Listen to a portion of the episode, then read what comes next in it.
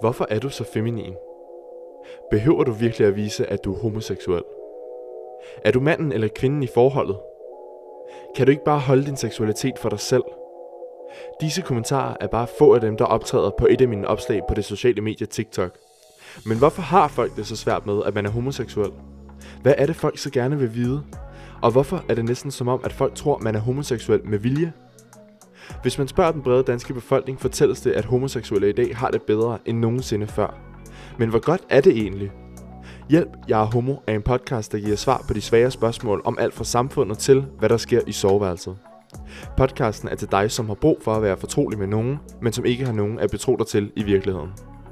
Podcasten her er til dig, der kæmper, eller til dig, som blot er nysgerrig på, hvad det vil sige at være homoseksuel. Mit navn er Mathias Bak. Velkommen til Hjælp, jeg er homo. Kunstner, forfatter og rejsefotograf. Gæsten i dag er uddannet pædagogisk filosof og har sit helt eget sjove og inspirerende univers på Instagram, hvor han deler sine rejseoplevelser. Og så vildt som det lyder, så har han faktisk også en virksomhed, hvor han sælger sine malerier og kunst ved navn Make Me Wonder. Som om det ikke skulle være nok, så har han faktisk også vundet Mr. Gay Danmark i 2011, og var i 2019 nomineret sammen med TV2 Løje til Rainbow Awards for serien Regnbuen over København, som dækkede de sidste 100 års LGBT-historie i Danmark. Velkommen til dig, Jobbe Pilgaard. Wow, du har virkelig fået det hele med her, altså på 30 sekunder. Var det okay? Ja, det var det helt sikkert. Nu er der jo helt sikkert nogen, der lytter med, som måske ikke helt ved, hvem Jobbe Pilgaard er. Ja. Vil du ikke prøve at fortælle lidt om, hvem du er? Jo, altså, øhm, jeg har jo i mange år, siden jeg vandt Mr. Gay faktisk, været sådan en, som jeg tror folk i vores miljø har vidst, hvem var. Og øhm, for mig har det jo åbnet en masse døre i mit liv, som øh, har gjort, at jeg altid siger ja til alt, der er sjovt. Og øhm, jeg elsker at lave nye ting og spændende ting, men øhm, med årene er jeg jo også begyndt at være mere bevidst om, hvad det er, jeg gerne vil med de ting, jeg laver. Så øh, jeg synes, der skal være noget substans i det, som det udtryk, som jeg har. Øh, jeg ved ikke, hvorfor jeg er i gang med at fortælle om, hvad jeg laver egentlig, når jeg skal fortælle om mig selv, men det er måske det der med, at man er forbundet med sit arbejde, når man er kreativ. Men øh, hvem er jeg? jeg? Jeg tror, jeg stadigvæk er ved at finde lidt ud af det, fordi jeg jo hele mit liv prøvet at finde ud af, hvad jeg vil være, når jeg bliver stor. Og nu er jeg lige blevet 35, så jeg synes, jeg er nået dertil, hvor jeg burde vide, hvem jeg var og hvad jeg skal lave i mit liv. Men jeg tror, hvem er Jobbe Pilgaard? Måske mest alt et søgende menneske, som stadigvæk prøver at blive lidt klog på sig selv. Og øh, ja, det er nok work in progress. Altså jeg er stadig i gang med at prøve at finde ud af, hvem jeg er, så det er måske også svært at fortælle, hvem jeg er på den måde. Giver det mening? Ja, fuldstændig. Jeg synes også, det er meget rart at, at høre, at du stadigvæk er ved at finde ud af, hvem du skal være som 35 år. Ja, ja, men det kommer jeg til, når jeg er 70 også. Altså jeg har ligesom givet op på det der. Jeg kan huske, da jeg gik i folkeskole, så øh, min studievejleder i 6. klasse eller sådan noget, så skulle vi op til, han hed Martin og havde sådan noget langt hår, vi kalder ham rockeren, fordi han, var, han spillede musik, ikke? Og så øh, spurgte han, hvad jeg ville være, når jeg blev stor, og så sagde han, jeg vil gerne være stand-up-komiker eller øh, skuespiller. Og så bladrede han i den der folder der med, hvad kan, du, hvad kan man blive? Øh, de der syv sider med sådan, du kan blive tømmer og det ene og det andet. Og så var han sådan, hvad med elektriker? Du ved, og, og den bærer jeg stadig med mig i dag. Måske skulle jeg være blevet elektriker, men jeg ved stadig ikke, hvad jeg vil. Så derfor laver jeg alt muligt, øh, jeg synes er spændende, og så er jeg så heldig, at der er nogen, der har lyst til at se med og øh, købe mine billeder og alt det, jeg laver. Så øh, ja, det er jeg taknemmelig for. Men jeg håber da en dag, at øh, sø, det, det at søge på efter, hvem man er, øh, bliver lidt mindre kaotisk, for det kan jo godt være et uvær en gang imellem, når øh, man prøver at lære sig selv at kende. Ja, vi har også lige snakket lidt om vores jobs og sådan noget, og ja og vi blev sådan lidt enige om, at vi bare laver ret mange ting, så jeg tror også måske lidt, at det er bare den type, man er, og, ja. og, og når du så fortæller om, hvad du laver af dit job, og ikke rigtig fortæller om dig selv, så er det jo måske også fordi, at meget af det, du laver, er jobbe. Ja, det er rigtigt. Hvis det giver mening. Ja. Hvordan er det at, at være sådan en rejsemus som dig, der tager til alle mulige virkelig dejlige varme lande, og så lande tilbage i Danmark, hvor at, uh, temperaturen den til minus 13 grader, eller det føles som minus 13 grader? Ja, altså jeg er gået øh, 40 grader ned på øh, 12 timer, fordi jeg kommer lige uh, fra Thailand. Så, uh, men hvordan er det at være en rejsemus? Det er det, det, det, der giver mit liv mening på en eller anden måde, ikke? Og, og opdage verden. Og jeg synes jo, at i stedet for at folk skal øh, på efterskole, eller skal i gymnasiet direkte efter folkeskolen, så skulle man tage og have sådan et år, der er en pligt til at tage ud og opleve nogle andre kulturer, der ligger helt uden for sin egen, fordi jeg tror på, at man bliver et, et klogere, rundere og øh, mere tolerant menneske, hvis man har mødt andre måder at leve på. Og øh, det er det, jeg elsker allermest ved at rejse og tage ud og, og møde mennesker, som lever på en helt anden måde, men som respekterer, at jeg lever på min måde, og jeg respekterer, at de lever på, din måde, øh, på deres måde. Mm. Og øhm, der er mange, der sådan stiller spørgsmålstegn, hvorfor jeg rejser meget i Mellemøsten. Jeg har været i Iran og Libanon og alle mulige lande, som folk ikke forbinder med en god rejseoplevelse eller en god ferie. Og det er noget, nogle af de rejser, som har gjort mig allermest kloge på, hvor, hvordan vi anskuer verden, ikke? Og, og er forudindtaget om, hvem folk er, uden nogensinde at have mødt dem. Så øhm, det, det giver mit liv mening at komme ud og møde en masse mennesker, øh, både i Danmark, men også øh, ude i verden. Ej, hvor dejligt. Øhm, jeg kommer også til at spørge dig lidt om senere i forhold til, øh, til det her med at rejse, fordi på Instagram, der laver du de her sjove øh, Pilgårds rejser-videoer. Ja. Hvordan kom du i gang med det? Jamen, øh, vi var på Færøerne i foråret, hvor vi har hus, Hans, min, øh, min mand og jeg.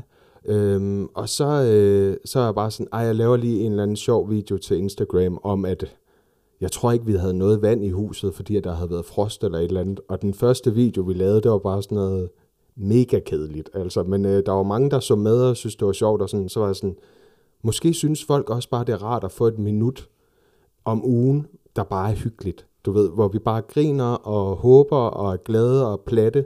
Og øh, der er gjort til et koncept, som øh, egentlig går meget godt. Altså, jeg, lavede, øh, jeg elsker jo, når, når noget på min fødselsdag bliver stort, og øh, mit fødselsdagsvideo blev set 250.000 gange, så, øh, så var sådan, ah, det er den mest sete Pilgårds rejser overhovedet, og det er min fødselsdag oven i købet, så jeg var bare sådan helt happy-go-lucky. Ja. Så det var den bedste 35 års fødselsdag i mit liv.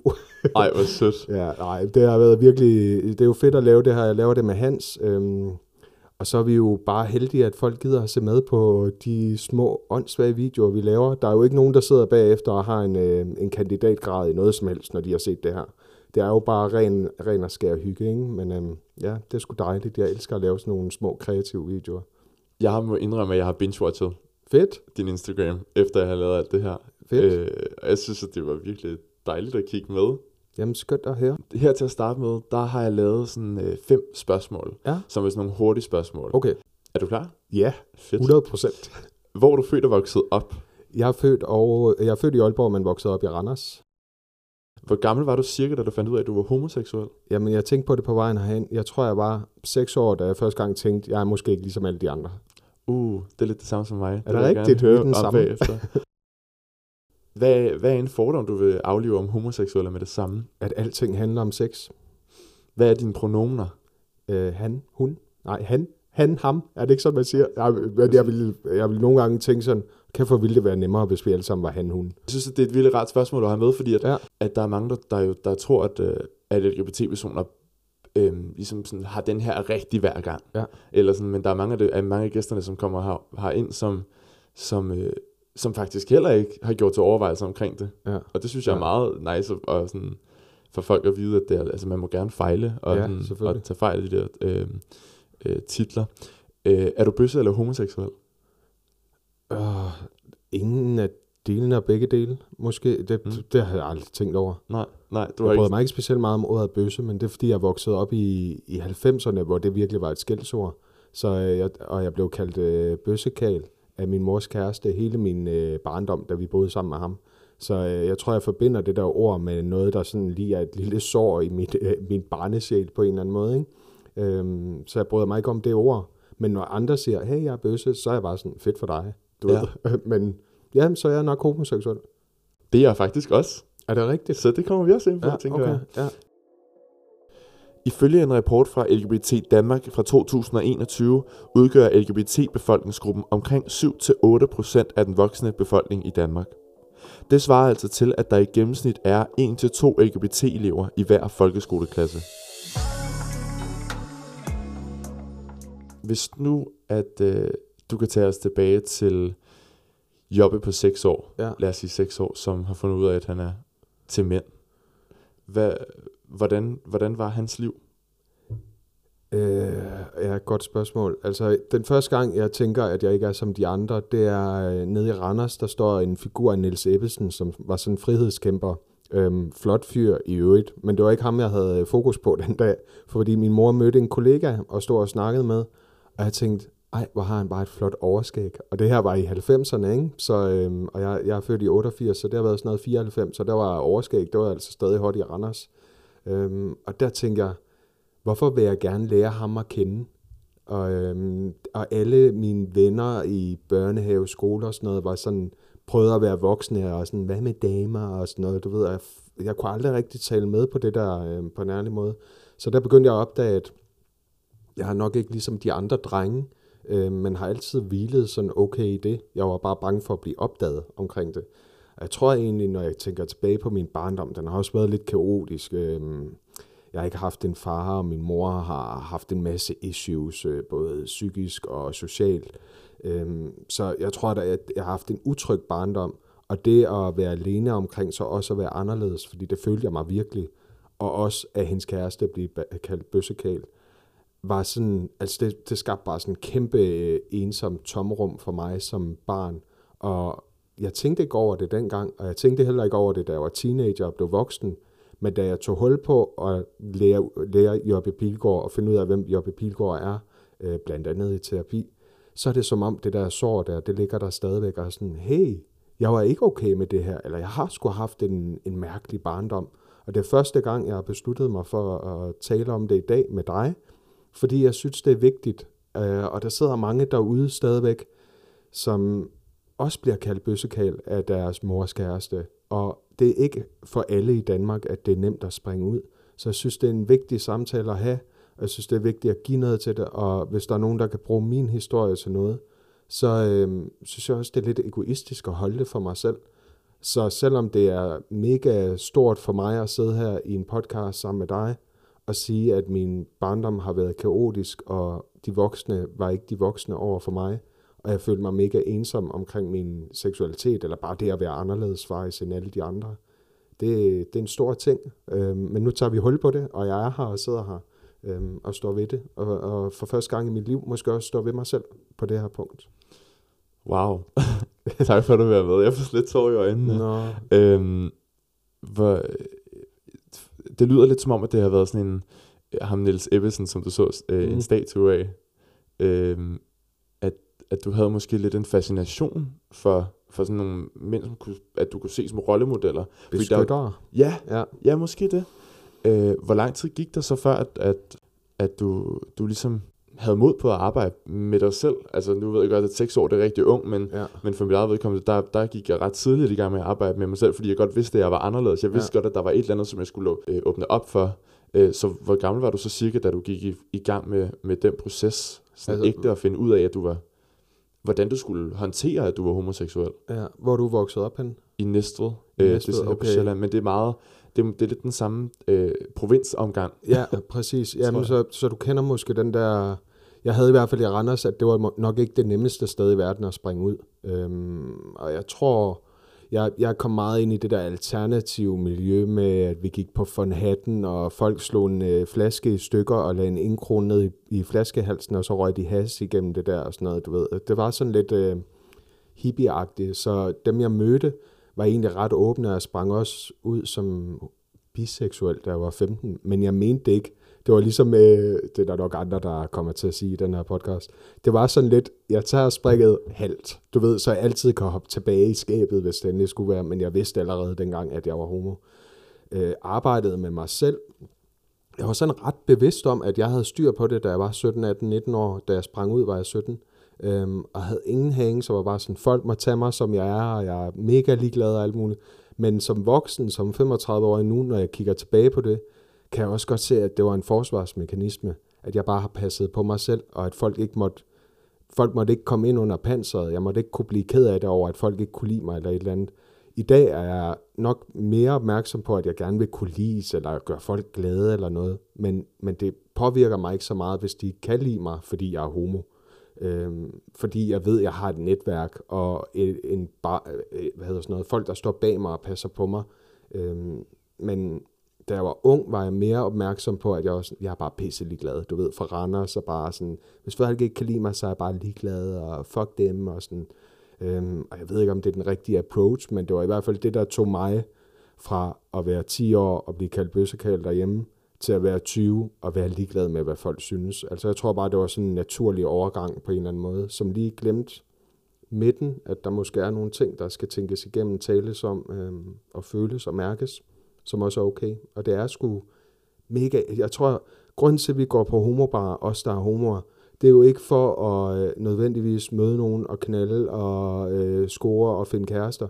Det er jo også fordi, vi alle sammen deler det samme tomrum og ensomhed af, at vi på et tidspunkt i vores liv har risikeret at miste alt, hvad vi havde, for at være dem, vi var. Og vi har behov for at mødes med nogen, og hver år er der nogen, der skriver til mig, øh, hvorfor er Pride så vigtig, og hvorfor er det det ene og det andet?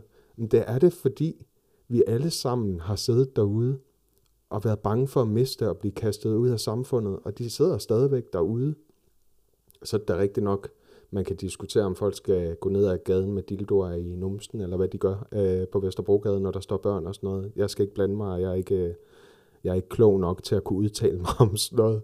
Øh, men ja, jeg synes bare, jeg vil bare ønske, at verden var mindre firkantet.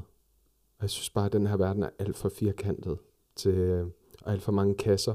Jeg bryder mig ikke om kasser. Jeg elskede at spille fodbold, der var barn og lege med Barbier. Jeg elskede Spice Girls og, øhm, og Nirvana. Altså, jeg kunne bare, øh, jeg har aldrig passet ind i de der, og når du spørger, er, hvad er din pronomen?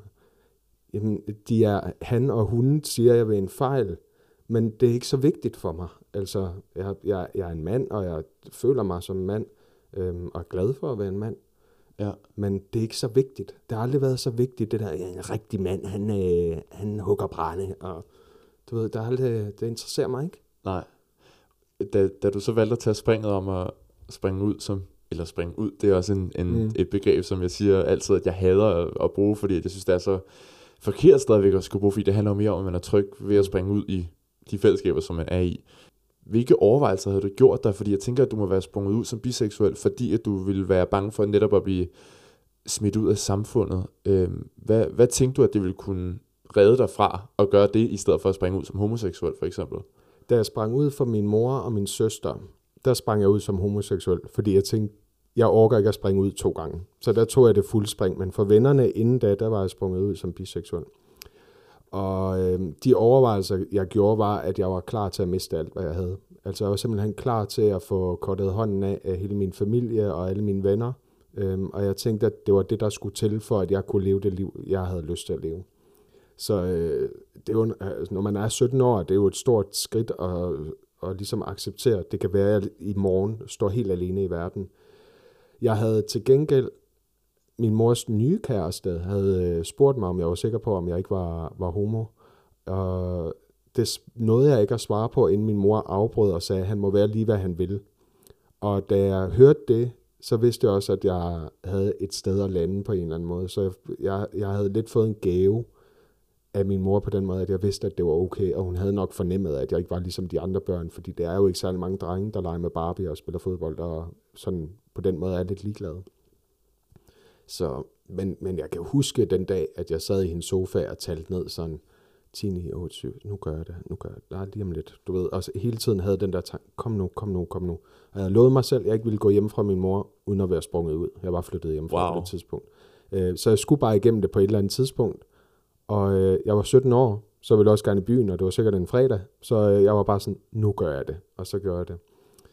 Og det var, mega fedt. Altså, hun accepterede det bare 100% med det samme, øhm, og jeg var så glad og lettet, og et par uger efter, hun studerede lidt sent i livet til tekstilformidler, skulle jeg hjælpe hende med en opgave, så så jeg på hendes computer, at hun havde googlet efter øhm, min sønderbøsse, hvad skal jeg gøre? Og øhm, pårørende til homoseksuelle. Altså at hun, hun har haft mange bekymringer omkring det, ikke? men øhm, hun har været stærk nok til at bare holde det på sit eget, og google det, og så lade mig øh, springe ud, som den jeg var. Øhm, og det er jeg mega glad for i dag. Ej, hvor vildt. Ja. Kan du huske sådan nogle af de konkrete tanker, som du sad med, da du sprang ud over for, for øh, din søster og din mor? Altså, øh, hvordan tog du så springet, efter du havde siddet og talt ned? Jamen, øh, jeg, jeg, jeg, sprang, jeg lavede klassikeren over for min søster, og bare var sådan, sendte en sms. Okay, ved, jeg, det er meget. Ja, ja, ja, det er det virkelig. Hey, du skal vide, at, du ved, og så, øh, jeg havde faktisk forventet, at min søster reagerede på en anden måde. Jeg havde regnet med, at hun, øh, at hun sådan lidt tog afstand til mig, men det gjorde hun ikke. Hun var bare sådan, thumbs up, øh, hygge dig med det, agtigt. Altså, jeg tror, alle havde set det. Jeg var nok den sidste, der havde set, at alle havde set det, ikke? Men øh, da jeg havde talt ned over for min mor, jamen jeg tror, at der er sådan et sort hul i min hjerne omkring det der. Jeg kan bare huske, at jeg får sagt sådan, mor, jeg er homoseksuel. Og så bliver der stille, og så kan jeg ikke engang huske, hvad hun siger, andet end at jeg bliver mødt og grebet i det der frifald, som det er, og springe ud. Og for mig var det et decideret spring ud. Altså, øhm, jeg følte, jeg hoppede ud for en flyver uden faldskærm, og øh, det var op til den næste, der sprang ud og få den der faldskærm sat på mig, inden jeg landede. Ikke? Øhm, så jeg tror, jeg tror, at der er nogle huller i min hjerne der, fordi det var bare så vildt. Altså, det var ja. det vildeste, jeg nogensinde har gjort, og, øh, og nogensinde kommer til at gøre. Og du havde også gået med det i, der må det jo så altså, cirka have været 11, ja. 12 år eller ja. et eller andet. Ja. Øh, nu siger du, at du har haft en, en, lidt, en lille smule sådan utryg barndom, men, men jeg, jeg synes nemlig, jeg kan genkende det også ret godt. Selv min far døde, da jeg var syv oh, okay. øh, af kræft. Ja, nå, øhm, det er øhm, ked af Og sådan, min barndom, den var, den var meget, øh, sådan, når jeg husker tilbage på den, så er det meget sådan uh, turbulensagtigt. Altså det er lidt sløret for mig, hvad der egentlig sådan har, har været foregået. Fordi jeg, jeg har altid vidst, at jeg selv var homoseksuel, ja. men jeg har også altid vidst, at jeg ikke bare kunne øh, fortælle det til folk-agtigt. Mm. Havde du, har du, føler du også, at du har haft, altså at dine minder fra din barndom er sådan lidt øh, utydelige? Nej, det modsatte. Okay. Øhm, jeg, har, jeg har venner, som har haft en barndom eller min, som har en meget sløret øh, hukommelse omkring den. Min desværre på en eller anden måde føler, at jeg står sådan, alt står bare klart. Der er ikke en eneste ting i min barndom, jeg har glemt eller mm. kan glemme. Øhm, men i rigtig mange år har jeg ikke kunne mærke det. Du ved, alle de ting, der har været svære, har bare været kortet af, og jeg har slet ikke mærket efter, eller sådan, ja, min, øh, min søster var meget udreagerende over for meget mig, over, jeg prøver lige igen at sige den sætning. min søster var meget udadreagerende over for mig, og meget sådan voldelig over for mig, da jeg var barn. Og, øh, og det har bare sådan hele mit liv været sådan, jamen sådan er det jo, du ved, og ikke slet ikke kunne mærke, at det jo er sindssygt, og lade, både at min mor har lavet hende være udadreagerende over for mig, men også, at jeg bare ikke har kunne mærke det, og også at være det over for et barn, der er 6 år, altså være voldelig, når man er 12 selv, er, ja. er en stor ting. Ikke? Øhm, men jo ældre jeg er blevet, er jeg også blevet sådan, jeg gider ikke at skåne folk mere. Alle de mennesker, der har været i mit liv, som har kaldt mig bøssekal, da, da de skulle være den voksne i mit liv, eller tæskede mig, da de skulle være min storesøster, eller min mor og hendes issues med at være fraværende. Jeg er bare færdig med at skåne dem, og det kan godt være, at min mor er død, og og jeg er ikke vred eller, eller skuffet. Jeg er bare sådan, nu er det ikke mig, der skal gå og gemme med det mere. Hvis, hvis man har truffet et valg som voksen eller som stor, øh, stort barn, så må man leve med de valg, man har truffet. Og øh, det har min historie, og det har en måde at own den også selv, og tage ejerskab på den, og det, jeg er bare færdig med at gå og putte med det, ikke? Mm, mm. Føler du sådan, at du blev tvunget for hurtigt til at være, altså, være voksen? Ja, 100 procent. Okay. Men det, det tænker jeg også, man gør, når man mister en forælder tidligere. Ikke? Altså det der med at blive at man bliver gjort voksen ret hurtigt. Øh, har du ikke selv oplevet at, at jo, skulle jo. være øh, store Mathias meget hurtigere, end du skulle jo, i virkeligheden? Jo, fuldstændig. Ja. Øh, og jeg kan faktisk også godt huske min barndom. Altså alting kan okay. jeg godt huske tydeligt. Ja. Altså der er nogle mærkelige ting, kan jeg også huske tydeligt. Ja. Sådan, Så du har ikke det der sløret, eller hvad? Det har jeg, men det er mere på sådan en måde, øh, at, at sådan at... Øh, det er virkelig svært at forklare, men sådan at, at øh, jeg, jeg er meget sådan, jeg bliver meget øh, grebet af sådan nostalgi, altså historie, eller øh, de sange, som vi hørte derhjemme, da jeg var barn, mm. og sådan noget. Det kan virkelig sådan tage mig tilbage til sådan, øh, måske et eller andet, som, som ikke har været bearbejdet nu, eller stadigvæk, nu er jeg jo i terapi og sådan noget, men, ja. men det, det er sådan en, det er sådan en sjov måde, jeg synes, at der er nogle, altså, som jeg i hvert fald hører fra mine homoseksuelle venner også, at, de, at man skal tænke tilbage på sin barndom, fordi at at, man har været tvunget til at have sådan nogle ret voksne og modne tankeprocesser, for eksempel omkring sex, lige når man lærer, fandt ud af, hvad det var, for eksempel, der, mm. der, var jeg, føler allerede, at jeg var tvunget til at, altså sådan at finde ud af, sådan, at jeg er, er seksuel til mænd -agtig. Og det er noget, som jeg tror, at ville have været godt at, at have ventet lidt ned og skulle sådan ja. være, være sådan facet over for øh, på en eller anden måde. Så, og nu er du også kunstner, så altså, har du, øh, der, du må vel bruge øh, nogle af dine sådan, minder til at kunne at formidle det, som du laver? Ja, altså, jeg, jeg har jo sådan et, øh, nu er det snart jul, vi sidder og taler det Uh. sidst i november. Jeg har jo altid haft det sådan med, med julen, at den skal være hyggelig for børnene. Og jeg er meget sådan, der skal være god stemning, og hvis du har en dårlig dag, så bliv derhjemme, fordi det er jul, og det er børnenes jul. Og øh, det tror jeg kommer af mine egne øh, barndomsminder om, at julen ikke altid var skide hyggelig. Øhm, så jeg er meget sådan øh, værner om, om de ting, som jeg... Øh, hvis jeg havde børn, så ville jeg bare gøre alt for, at de havde den bedste barndom i hele verden. Altså, øhm, og det vil alle forældre jo forhåbentlig gøre deres bedste. Men jeg vil bare være sådan, i julen, der skal du bare pebernødder hver dag, og du skal bare hygge dig, kalender og alt. Altså, bar, barndommen er det vigtigste, vi har, og os, der har fået den ødelagt, har noget arbejde at arbejde med efterfølgende, øhm, og nogle ting, der skal samles op.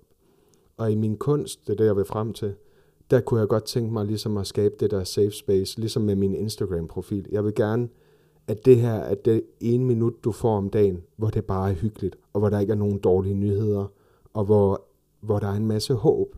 Fordi der er nok af alt det andet. Der er nok af, af dårlige voksne eller dårlige barndomsminder, men lige nu har vi bare et safe space sammen, som, som er hyggeligt, og det skal kunst også være i mit tilfælde i hvert fald. Så må det også godt bide lidt. Jeg lavede sådan lidt øh, klimakritiske øh, projekter øh, i min kunst og sådan noget. Det, det, det kan jeg godt lide, det der, ikke? Men, øh, men alt i alt, så kunne jeg, jeg, jeg ville ønske, at jeg var julemand i et storcenter eller sådan noget, så man kunne give de der børn der sådan en dejlig oplevelse af, at julemanden, han er sgu sød, og han er ikke, øh, han har ikke lige kaldt en bøssekale i går, når han kommer, du ved. Mm. Øh, Mm. ja, julen Ja, ja, skal så- være dejlig. Så du prøver måske nogle gange lidt med din kunst at tage dig tilbage til det der naive børne-jeg, Ja, som ja, du ja. aldrig havde måske egentlig. Helt bestemt. Og det, de første mange malerier, jeg lavede, var jo decideret sådan børneillustrationer, så øhm, ja, jeg tror gerne, jeg vil give noget tilbage øhm, og give mine erfaringer videre. Jeg har oplevet en masse ting, og øhm, jeg håber, at andre kan bruge dem til at blive klogere. Jeg har skrevet en bog, der hedder Demens, om at være pårørende til min mor fik demens og døde af det. Øhm, så jeg tror, at det er en del af min drivkraft, både i kunst og i at skrive og lave shows med mine venner og familie. Jeg, jeg tror, at det er dejligt at formidle. Altså, jeg tror, det er nok det, jeg laver i mit liv, er at formidle det, jeg har, og det, jeg gør, øhm, og det, jeg har oplevet. Og det elsker jeg. Jeg ved ikke engang, hvad du spurgte om mere her. Sådan helt Jeg kommet jeg ud faktisk heller ikke huske det, men jeg synes bare, at svaret var så sødt. Jeg synes også, det er meget fedt, du godt kunne tænke dig at være julemand med sådan en rød hoodie på nu, Ja. du sidder og på. Ja, det er rigtigt. Det synes jeg er meget fedt. Øhm, I, i uh, introen, der nævnte jeg jo, at du har vundet Mr. Gay. Åh, og du sagde jo, at det normalt ikke var noget, som du ville. Altså, han nævnte selv Ja. ja. sådan på dit CV, hvis nu du lige skulle sidde og nævne det. Nej, jeg ville nok have slettet det fra mit CV. Men det er ikke engang, fordi jeg skammer mig over det, fordi det gør jeg ikke. Jeg, øhm, jeg kan huske, at jeg var 21 år eller sådan noget, og der kom sådan en reklame op på øhm, Boyfriend. Nej, det var Mhm. ikke på Boyfriend, det var på... Jo, det var nok på Boyfriend. Ja. Øhm, ja, det var Det er i hvert fald en gammel platform. meget gammel platform, sådan helt analogt, hvor det tog 10 minutter at logge ind og sådan noget. Ikke? Øhm, der kom sådan en banner op, og på det tidspunkt, der var jeg ved at lave et community for homoseksuelle uden for København i Danmark. Øhm, og vi havde en profil på Boyfriend. Og der så jeg det der Mr. Gay, og tænkte, kunne det være sjovt? Og jeg havde drukket tre glas vin sammen med min ekskæreste på det her tidspunkt, og bare sådan, det gør vi. Og inden jeg fik set mig om, så havde jeg også skrevet en kontrakt under, og var sådan bange for, fordi der stod, at man kunne blive sagsøgt, hvis man ikke kom og sådan noget. Så øhm, da jeg deltog i det, hvis jeg havde kunne springe fra, så havde jeg nok gjort det. Ja. Øh, men inden jeg fik set mig om, så havde jeg også vundet det. Øh, og det var vildt mærkeligt, fordi øh, alle var bare sådan optaget af kroppe og badeshorts og sådan noget. Jeg var bare sådan, kan vi ikke bare alle sammen hvile mere i os selv og være mere glade og tilfredse med dem, vi er og sådan noget. Og det var bare alt det, dommerne ville høre. Så, øh, og så vandt jeg og blev sat til Mr. Gay Europe, øh, som var helt anderledes end i Danmark. Det var virkelig sådan en kæmpe corporation på det tidspunkt, og i dag, der er skønhedskonkurrencer måske sådan lidt passé, men dengang var det bare the shit, og, øh, og alle, der kom, var bare sådan mega muskuløse, og bare sådan stod foran spejlet og hoppede med brystmusklerne og. Ej, Jeg følte ej, bare ej, ej, overhovedet ej, ikke, jeg ej, passede ind. Og så blev vi sat ind i sådan en kæmpe bus, og kørt rundt til en masse sponsorer til det her Mr. Gay Europe. Og da vi kom ind i homogaden i Rom, så skulle vi ind i sådan Nej, en i homo Rom? ja, i Rom, i en homobutik, øh, hvor der bare var sådan dildo overalt, og de, man blev filmet hele tiden, og jeg måtte ikke, øh, på det tidspunkt røg jeg cigaretter, jeg måtte ikke ryge, fordi det ville give et forkert Ja, billede af, hvem jeg var og sådan noget. Og så skulle vi stå med de der dildoer og være sådan nysgerrige på, hvordan de var og sådan noget, og bare sådan, det her kan jeg ikke. Seriøst, det kan jeg ikke. Øhm, og så fik jeg lov at sidde den over. Det var den første ting, vi skulle. Så skulle vi ud til et sponsoreret øhm, poolområde, som havde sponsoreret det her sted, hvor vi skulle smøre hinanden ind i øh, babyolie. Hvor sådan, det her kan jeg heller ikke være med til, det har jeg virkelig ikke lyst til. Og så kunne jeg jo godt se, alt der hed Mr. Gay, og det vi skulle i det her Mr. Gay Europe, det var sådan noget, så jeg blev nødt til at sige nej til det hele. Øhm, og så trak de mig til side, inden jeg øh, sagde, at jeg ikke ville være med mere. Og sagde, vi tror, du vinder det hele, fordi du siger nej til det hele. Inden jeg sagde, at jeg ville, ikke ville være med mere, så trak de mig til side og sagde, vi tror, du vinder det hele, fordi du står fast ved dig selv. Men jeg var bare sådan, jeg gad ikke mere. Altså, jeg havde virkelig fået nok. Øhm, så de installerede mig på et hotel i Rom, og så øh, havde jeg lige mødt Hans på det tidspunkt, så han kom ned, og så holdt vi weekend sammen, øh, og det er den bedste weekend i mit liv. Så øh, alt i alt, så har Mr. Gay givet mig den bedste weekend i mit liv i Rom. Men øh, i dag tænker jeg sådan, åh, jeg, øh, jeg ville nok have stillet op i Mr. Gay i dag også, hvis det havde været noget anderledes. Øh, men dengang, så tænker jeg, hvad fanden havde jeg gang i? Ja. Altså, det, jeg følte slet ikke, jeg passede ind i hele det der univers, og der er ikke noget galt med universet. Jeg føler bare ikke, at det er mig.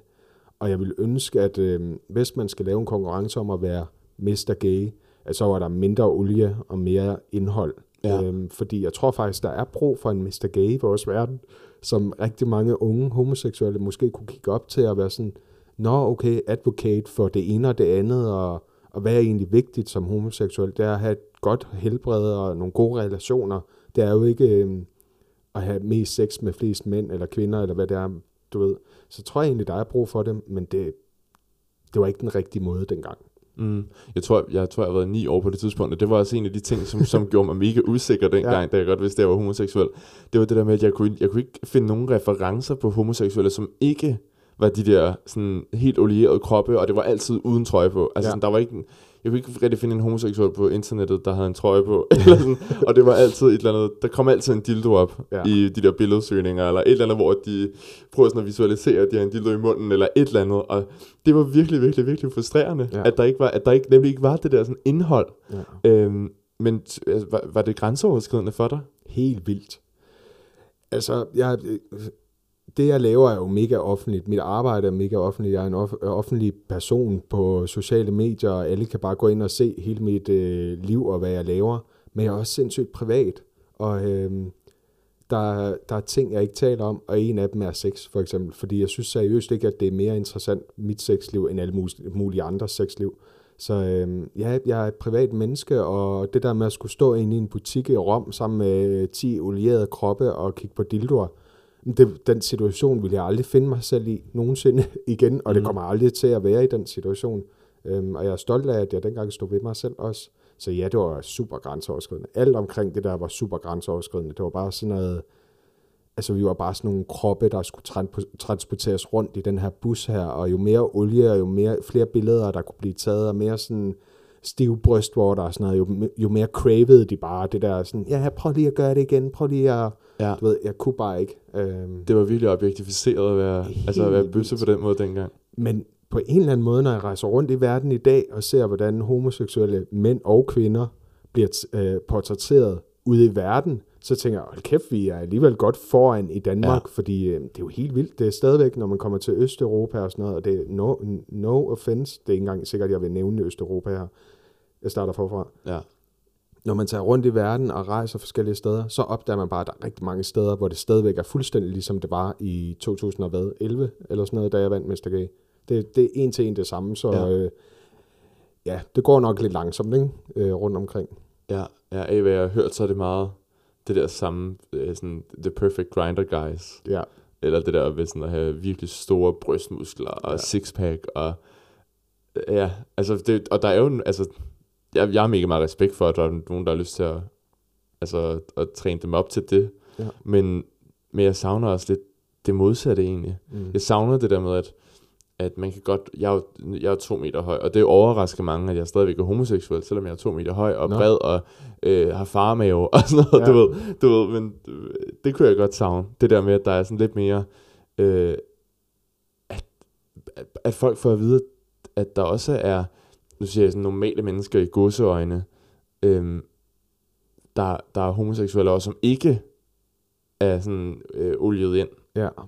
altså Ja, med deres jeg kropper tror- uden trøje på og sådan noget. Det synes jeg virkelig godt kunne være rart med noget. ja. Med repræsentation for, jeg skal sige fædrene, eller sådan. Ja, det, øh, det er jo mediernes ansvar også, har jeg sagt i mange år, fordi i, i 90'erne og 0'erne, hvis der var en homoseksuel mand eller kvinde med i et tv-program, så kunne du være stensikker på, at manden var feminin, og kvinden var meget maskulin. Og så kan man diskutere, hvad det er, men vi ved måske alle sammen, hvad det er. Altså totalt glat, poleret, olieret øh, type, og det er der ingenting galt med, men det var den eneste homoseksuelle mand, som man blev præsenteret for, hvis man så fjernsyn i 0'erne og 10'erne. Ikke? Ja. Og det er jo et ret nyt fænomen, det her med, at der kommer stor repræsentation. Jeg så en, en serie for nylig, hvor der var en homoseksuel gangster, var jo sådan, okay, så er vi nået dertil alligevel. Ikke? Nice. Øhm, ja, så det, jeg tror, det kommer mere og mere, heldigvis, og jeg møder tit folk, der er sådan, ej, er du homoseksuel? Og sådan, ja, altså, hvad havde du regnet med? Man kan godt være homoseksuel, selvom man ikke, øhm, måske ikke lige lever op til de tusind fordomme, du har om det. Hvorfor tror du så, at, at det er sådan, altså i, i 90'ernes og 0'ernes og 10'ernes tv, at, at, at dem på fjernsynet er, er de her meget sådan stereotypiske homoseksuelle, mm. som, altså, som stikker ud fra normen? Jeg tror ikke, du og jeg er så interessante. Jeg tror, jeg tror ikke, vi er lige så spændende at kigge på, sådan visuelt og lige så eksotiske. Og det har været homoseksuelt, har været meget eksotisk for 15 år siden. Øhm, og det er det jo ikke på samme måde i dag. Nu, øh, nu kan man jo se den måde, transkvinder og, og også transmænd, men især transkvinder nok, uden at jeg skal gøre mig ekspert, bliver portrætteret, er jo lidt og har historisk set været med en negativ vibe eller en psykisk syg vibe. Så den måde, vi som homoseksuelle mænd og kvinder i Danmark blev portrætteret for for 15 år siden, det er sådan, vi portrætterer transer i dag. Og øh, der har vi jo stadigvæk bare sindssygt meget arbejde foran os.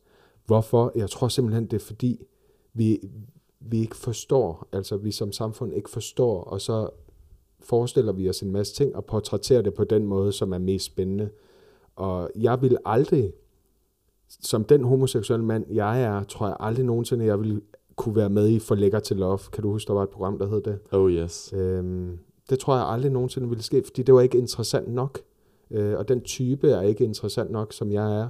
Men der er rigtig mange af os, og øh, hvis man tager til Pride, vil du nok møde 90% mig og 10% de andre, og gudskelov i vores miljø, er der plads til begge dele.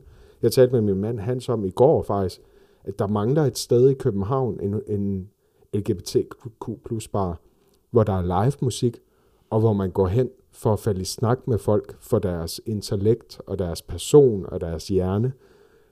Det mangler bare helt vildt i vores miljø, og det tror jeg også er noget af det, der kommer, at, øh, at folk er nok ved at blive lidt trætte af at stå på et dansegulv og svede op af hinanden, og så gå hjem, øh, og så var det det. Altså jeg tror, jeg tror, folk søger mere substans i dag, end de gjorde i 0'erne og 10'erne. Ja, det forstår jeg virkelig godt. Nu nævner du din mand Hans, og jeg har lovet mig selv, jeg har også skrevet det ned her i mine noter, at, at nu er det jo dig, der er her. Mm. Men jeg kunne godt tænke mig at spørge om, om, om, om dig og din mand, Hans Pilgaard, som har været, blandt andet været vært på Hvem vil være millionær. Ja. Øhm, har, har I aftalt at have nogle reservationer, når I for eksempel går i, skal i pressen? Eller er der, altså, nu siger du, at du for eksempel ikke har lyst til at snakke om dit sexliv med Mm. andre. Øhm, altså sådan noget som det, har du nogensinde oplevet, at, at, at du har følt, at dig og Hans, I har været øhm, sådan genstande for, for pressens spørgsmål om, hvordan det er at være et homoseksuelt par? Altså har I, er der, nogen, er der presse, der har spurgt ind til, hvordan har I sex? Mm. Mm. Eller sådan, hvordan har Hans Pilgaard og Jobbe Pilgaard sex med Mm. hinanden? Eller et eller andet? Ja. Nej, øh, og jeg har jo ikke noget imod at tale med mit sexliv om mine venner. Øh, det er sådan, på den måde er jeg åben, men jeg har ikke noget behov for at sidde i hverken podcast eller tv-studier eller noget at fortælle om, om sex. Men jeg har oplevet, især da vi mødte hinanden, og jeg var ung, og Hans var 48 på det tidspunkt, og 47, der har jeg oplevet, at den måde, jeg blev fremstillet på, mod hvis han havde mødt en på sin egen alder, var meget forskellig. Øhm, jeg blev kaldt badehjernet, og sådan meget objektiviseret af pressen på det tidspunkt. Vi oplevede også, at øh, fordi han så også var gift på det tidspunkt, det er første gang, jeg taler om det her også. Det, det, er, det er første gang, jeg taler om mange ting i den her podcast, åbenbart. der, øh, der jagtede de os, fordi de ville gerne have det her billede her af os, øh, og jeg, jeg fik at vide, at der øh, havde lagt øh, journalister på lur med telelinser eller fotografer ud for min hoveddør, og på det tidspunkt var vi kloge nok til at gå ind ad bagdøren øh, til min lejlighed. Så vi oplevede sådan meget at blive jagtet, fordi det var eksotisk. To mænd, og den ene er ovenikøbet yngre end den anden. Det var bare sådan mega, mega gode billeder i, tror jeg. Øhm, og jeg kan også huske, at der var nogen i lufthavnen, der tog billeder af os og solgte det til se og høre og sådan noget. Altså det var sådan, det var en tid, hvor man gjorde sådan noget der. Øhm, så jeg har oplevet, øh, at pressen var vild. Altså, øhm, og nu, der var jo også den her se og hør skandale på et tidspunkt, og jeg må da sige, at jeg har oplevet, at der har været fotografer på steder, vi har været på ferie, hvor vi ikke har sagt nogen steder, at vi har været der, øh, men hvor der har været professionelle fotografer at tage billeder af os. Og I dag sidder jeg jo tilbage og tænker, kan vide, hvordan de kunne vide, at vi var der. Men der var jo en sag om, at de tjekkede dankortoplysninger øh, og havde en ved Nets. Så jeg tror, det har været eksotisk på det tidspunkt, men der er aldrig rigtig nogen, der har spurgt ind til det seksuelle. Og jeg ville også svare, at jeg ikke havde nogen kommentar til det, hvis det var. Fordi jeg synes ja. seriøst ikke, at mit sexliv er det mest interessante omkring min person. Der er så mange andre spændende ting, synes jeg, man kan tage fat i. Ja, ja. Nu har du en Instagram-profil med ret mange følgere. Er der nogensinde nogen der, hvor at, at, har du, får du nogensinde nogle beskeder fra folk, som, som, som føler sig eller møder nogen i byen faktisk. Altså nogen, der føler sig berettiget til at, at vide noget om dit sexliv. Nej. Nej, har det du aldrig nogensinde oplevet? Jamen, jeg, øh, jeg har det sødeste, de sødeste følgere på Instagram. Jeg får aldrig en negativ besked, og hvis jeg gør, så er det fra en, der ikke følger mig, og ikke har noget billede på sin profil, og jeg er blevet oprettet for tre dage siden, du ved. Jeg får aldrig, aldrig noget. Og det er nok, fordi jeg aldrig mener noget, så er jeg også sådan mm. rimelig nem ikke at, at anklage for noget, ikke?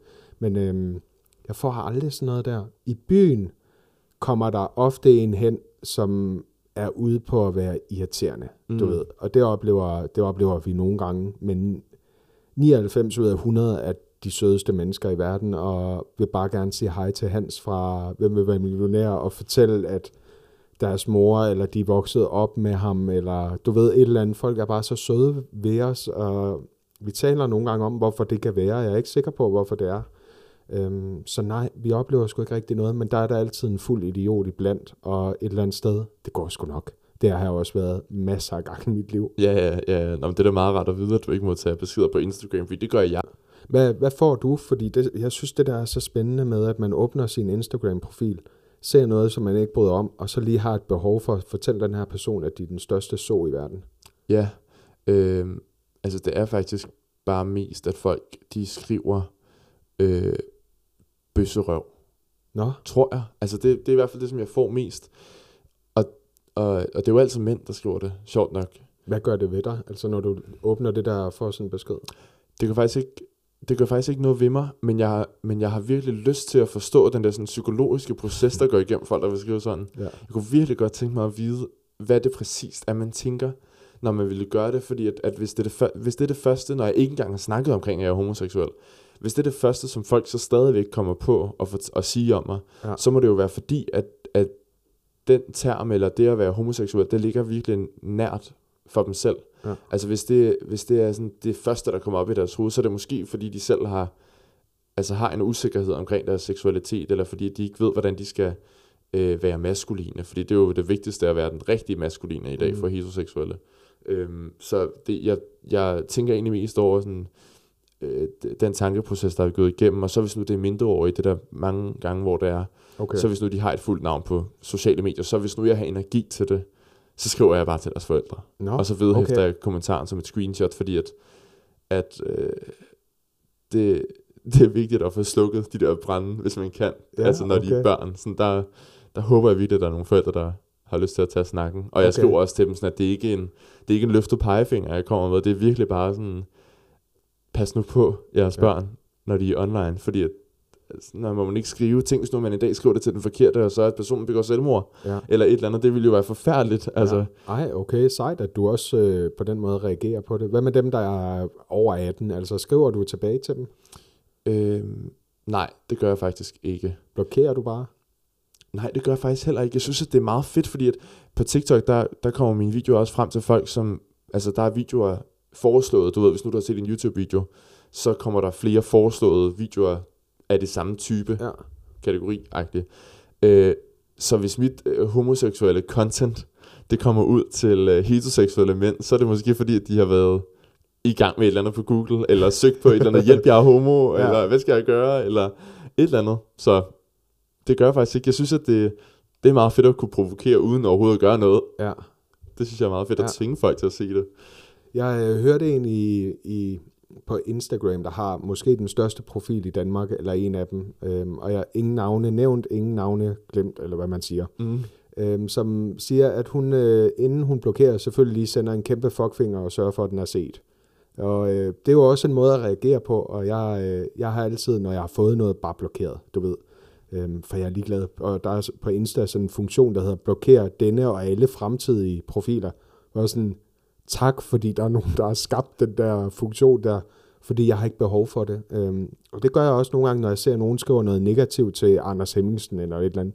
Sådan, åh, oh, der gider jeg ikke at have i mit univers, så går jeg ind og blokerer profilen, fordi de er nederen, du ja, ved. Ja. Og øhm, ja, jeg elsker at blokere, du ved, hvis folk er negative. Bare sådan, ej, ud af mit univers. Ja. Al negativitet skal bare ignoreres og væk fra mig. Ja. Der har været rigeligt af det i mit liv. Ja. Så, øhm, men fedt, at du reagerer på den måde, synes jeg faktisk.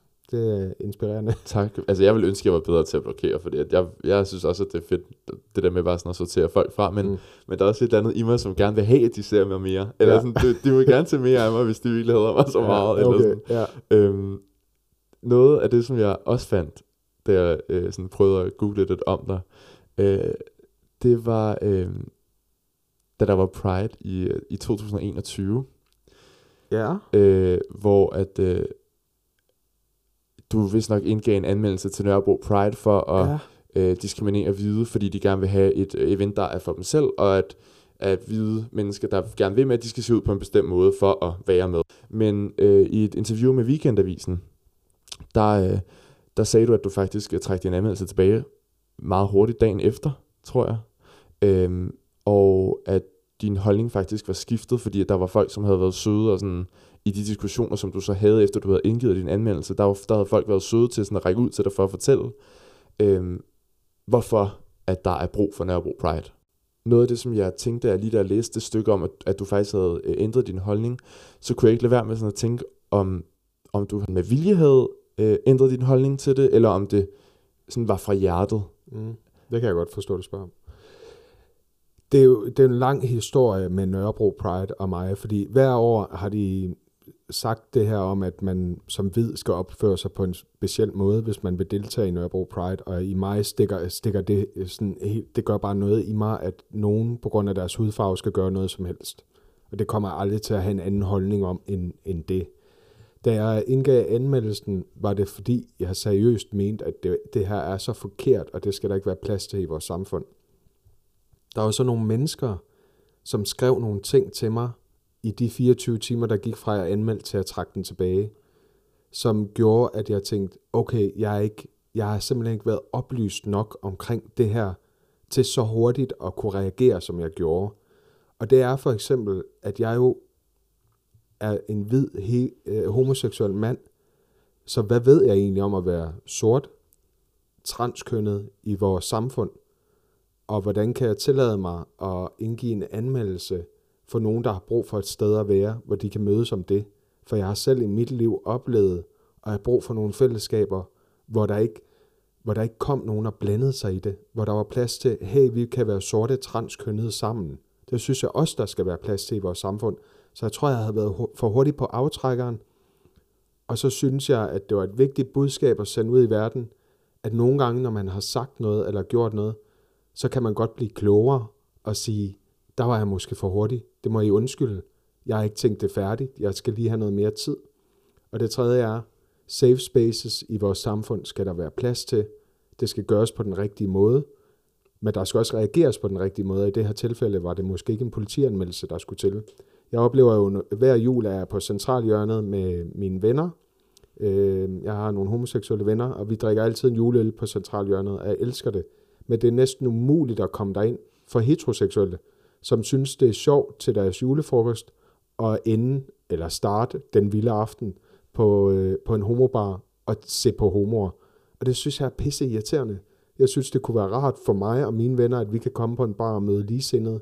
Og den her bar er måske ikke for dig, øh, Paul fra Næstved på 59 år, der siger, er du også bøsse? Du ved, som det mest kloge og interessante den aften. Og det er ikke, fordi de ikke er velkommen, men, og det er ikke, fordi man ikke må spørge, det må man også godt. Men nogle gange er det også rart at have et sted, hvor man kan være, uden at blive, være den eksotiske. Og det var nok mest det, der ramte mig, at der var en, der skrev, det kunne faktisk være rart, at der i vores samfund var nogle steder, hvor jeg kunne få, få lov at være en sort homoseksuel mand fra Afrika, hvor det ikke er pisse interessant i sig selv. Og det kan jeg godt forstå, og det ja. kan jeg godt genkende. Så jeg var for hurtigt på aftrækkeren i forhold til Nørrebro Pride. Det gør dog ikke, at jeg nogensinde vil synes, at man skal skille mellem sort og hvid, fordi det synes jeg grundlæggende er forkert. Synes du øh, alligevel, at debatten sådan, inden for LGBT-samfundet er, altså synes du, vi er for hurtigt til sådan at, synes du, at debatten er for polariserende, når vi for eksempel begår fejl? Ja, Jamen, jeg ville ønske, at vi lyttede noget mere til hinanden, og var klar til at sige, det må du undskylde, eller der var jeg for hurtig, eller... Vi, øh, øh, det undrer mig, at alle på min Facebook, da der var øh, snak om transkønnede børn og juridisk kønsskifte og alt det her, der var alle mine venner på Facebook pludselig blevet eksperter i køn, og vidste alt om, hvordan det var at være transkønnet 13-årig i Danmark. Jeg ved ingenting. Jeg er det ikke selv. Så jeg synes, det er vildt, at vi er så hurtige til at reagere på ting, som vi tror, vi ved noget om, men vi ved jo ikke noget om det, så lad os starte med at lytte til hinanden. Det er jo sådan, vi forstår hinanden, og det har jeg synes hele mit liv, vi er alt for dårlige til at lytte, alt for hurtige til at putte i kasser, og jeg kunne bare godt tænke mig, at når vi mødte hinanden, og jeg mødte en, der på min nye arbejdsplads har et kønsneutralt navn, og ikke vil kaldes han eller hun, at i stedet for at møde det med, du ligner en mand, så bare sige, okay, fortæl mig om din verden, luk mig ind i den, så jeg kan forstå den, og så kan jeg blive klogere, og jeg er ret sikker på, at hvis det er ens approach, så vil man også respektere det her menneske, som man møder. Så jeg kunne godt tænke mig, at vi mødte hinanden med mere nysgerrighed og åbenhed øhm, og respekt, fordi så tror jeg faktisk, at vi alle sammen vil bare leve et meget gladere og lykkeligere og mere tolerant liv. Og der er jo plads til os alle sammen i Danmark. Det er jo et, et dejligt land, vi bor i, så der er plads så hvorfor ikke, øh, hvorfor ikke gøre plads til os alle sammen? Det kan jeg slet ikke forstå. Altså, det er helt sådan, kom nu, vi er jo gode nok, altså. Ja, ja, det forstår jeg virkelig godt, og jeg, jeg er også meget enig i det der med, at man ser ofte på Facebook, når der er et eller andet med transkønnet, at der er mange, som slet ikke har en transkønnet i deres familie, som lige pludselig er blevet eksperter på ja. området. Og jeg synes bare, at det er også lidt ærgerligt, at vi ikke lader folk, der faktisk har en transkønnet søn, eller en transkønnet datter, altså hvor, hvorfor vi ikke lader dem øh, altså sådan tage, være med til at tage beslutningerne yeah. på området, eller sådan, fordi der er ikke nogen af os andre, der, der har, eller jeg har i hvert fald ikke uh, transkønnet i min familie, så, mm. så det er bare sådan, det, man har heller ikke hele tiden pligt til at ytre sig. Nej. Eller sådan, med, øh, Henriette behøver ikke at have en holdning, bare fordi der er, hun ser en artikel på Facebook. Sådan, der er ikke nogen, der inviterer dig til at sige din holdning faktisk. Hvis du gerne vil sige den, så sig den, men, men du vælg også din kampe med omhu. Ja, men jeg tror, at Facebook er jo et nemt, og Instagram og alle mulige andre medier, er jo et super nemt måde lige at komme af med noget, som man lige har på, der ligger på tungespidsen, der skal ud. Ikke? Øhm, jeg prøver meget, hver gang jeg skriver noget, at tænke, hvordan vil det her, der står, jeg skriver, hvordan vil det se ud på forsiden af Ekstrabladet? Og øhm, der er nogle ting, jeg har tænkt at skrive igennem mit liv, fordi jeg jo også bliver ramt af et eller andet, jeg synes er mega uretfærdigt. Nørrebro Pride for eksempel. Der, øhm, der er det jo nogle gange godt at tænke, hvordan ville det se ud på forsiden? Fordi når man anmelder Nørrebro Pride til politiet, så ender det på forsiden. Mm. Så øh, ja, der skal man jo Gjorde det det med dig? Jeg ved ikke, om det er et, jeg ved ikke, om det endte på forsiden, men som du siger, det endte i et meget stort tillæg i, i weekendavisen. Og øhm, det tror jeg ikke, jeg havde regnet med, men det skulle jeg måske have regnet med, fordi der er jo en stor ting at gøre. Ikke?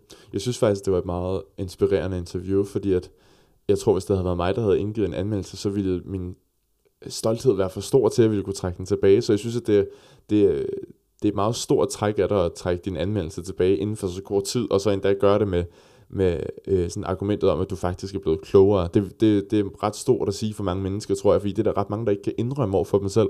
Hvordan, ja. hvordan, hvordan gør man det? Var der ikke noget i det, som, som sagde til dig selv, at, at du ikke ville trække den tilbage? Jo, stolthed. Altså ja. præcis det samme. Da jeg tænkte, hvorfor, hvorfor skulle jeg lade være med at trække den tilbage, så var det næsten kun stolthed, der stod der. Øhm, jeg vil så sige, at den blev aldrig trukket tilbage, for når man anmelder noget kriminelt, så kan man åbenbart ikke øh, trække det tilbage som sådan. Okay. Men, øh, men jeg forsøgte at trække den tilbage, men den blev det Aldrig. Og øh, jeg fik også at vide, at der ikke var noget at komme efter øh, i den her anmeldelse, så øh, ja. Men anyway, det var ja. stolthed, helt klart. Altså, det, jeg, jeg, det, jeg står ved det. Altså, jeg står ved, at, øh, at jeg var for hurtig der, og hvis vi alle sammen nogle gange kunne stå ved, okay, min stolthed lider af knæk her, men det går nok. Og ærligt talt, der er ikke nogen, der har holdt mig op på det siden. Du er den første, der nævner det siden.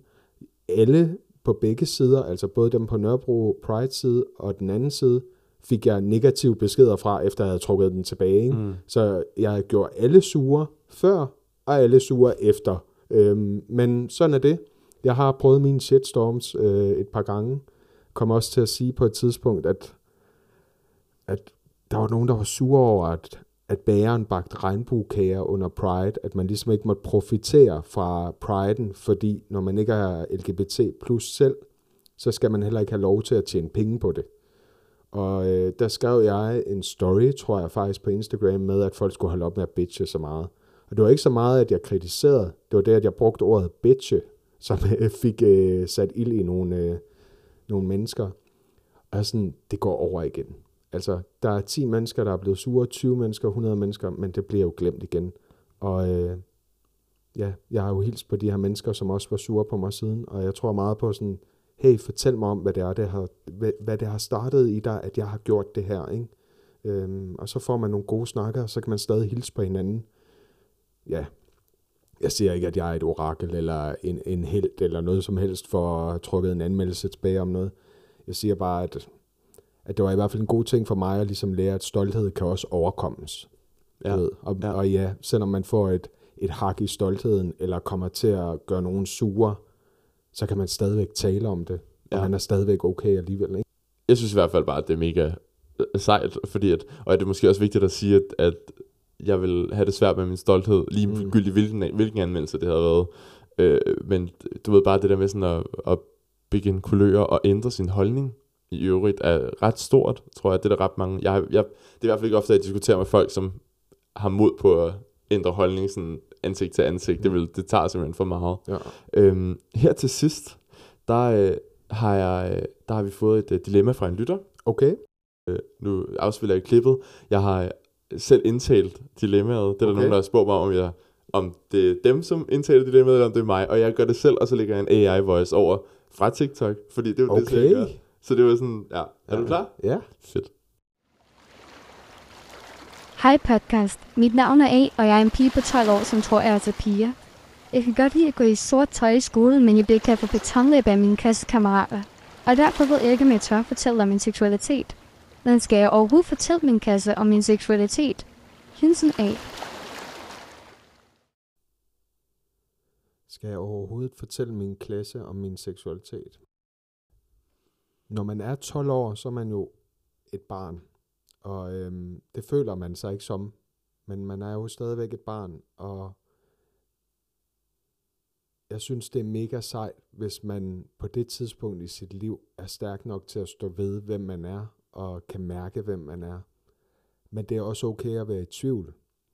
Og det er rigtigt her at gøre, når man tænker, at man er noget eller ikke er noget. Det er at stå ved sig selv og mærke efter, og hvis, hvis det er vigtigt for at kunne være den, man er, at man får sagt de tanker højt, som man har inde i, eller den, man er, så skal man gøre det. Og har man brug for lidt mere tid, synes jeg også, at det er 100% okay at tage det mere tid. For når man er 12 år, så er man rigtig meget af livet foran sig til stadigvæk at kunne nå både at finde ud af, når det var jeg ikke, eller det var jeg.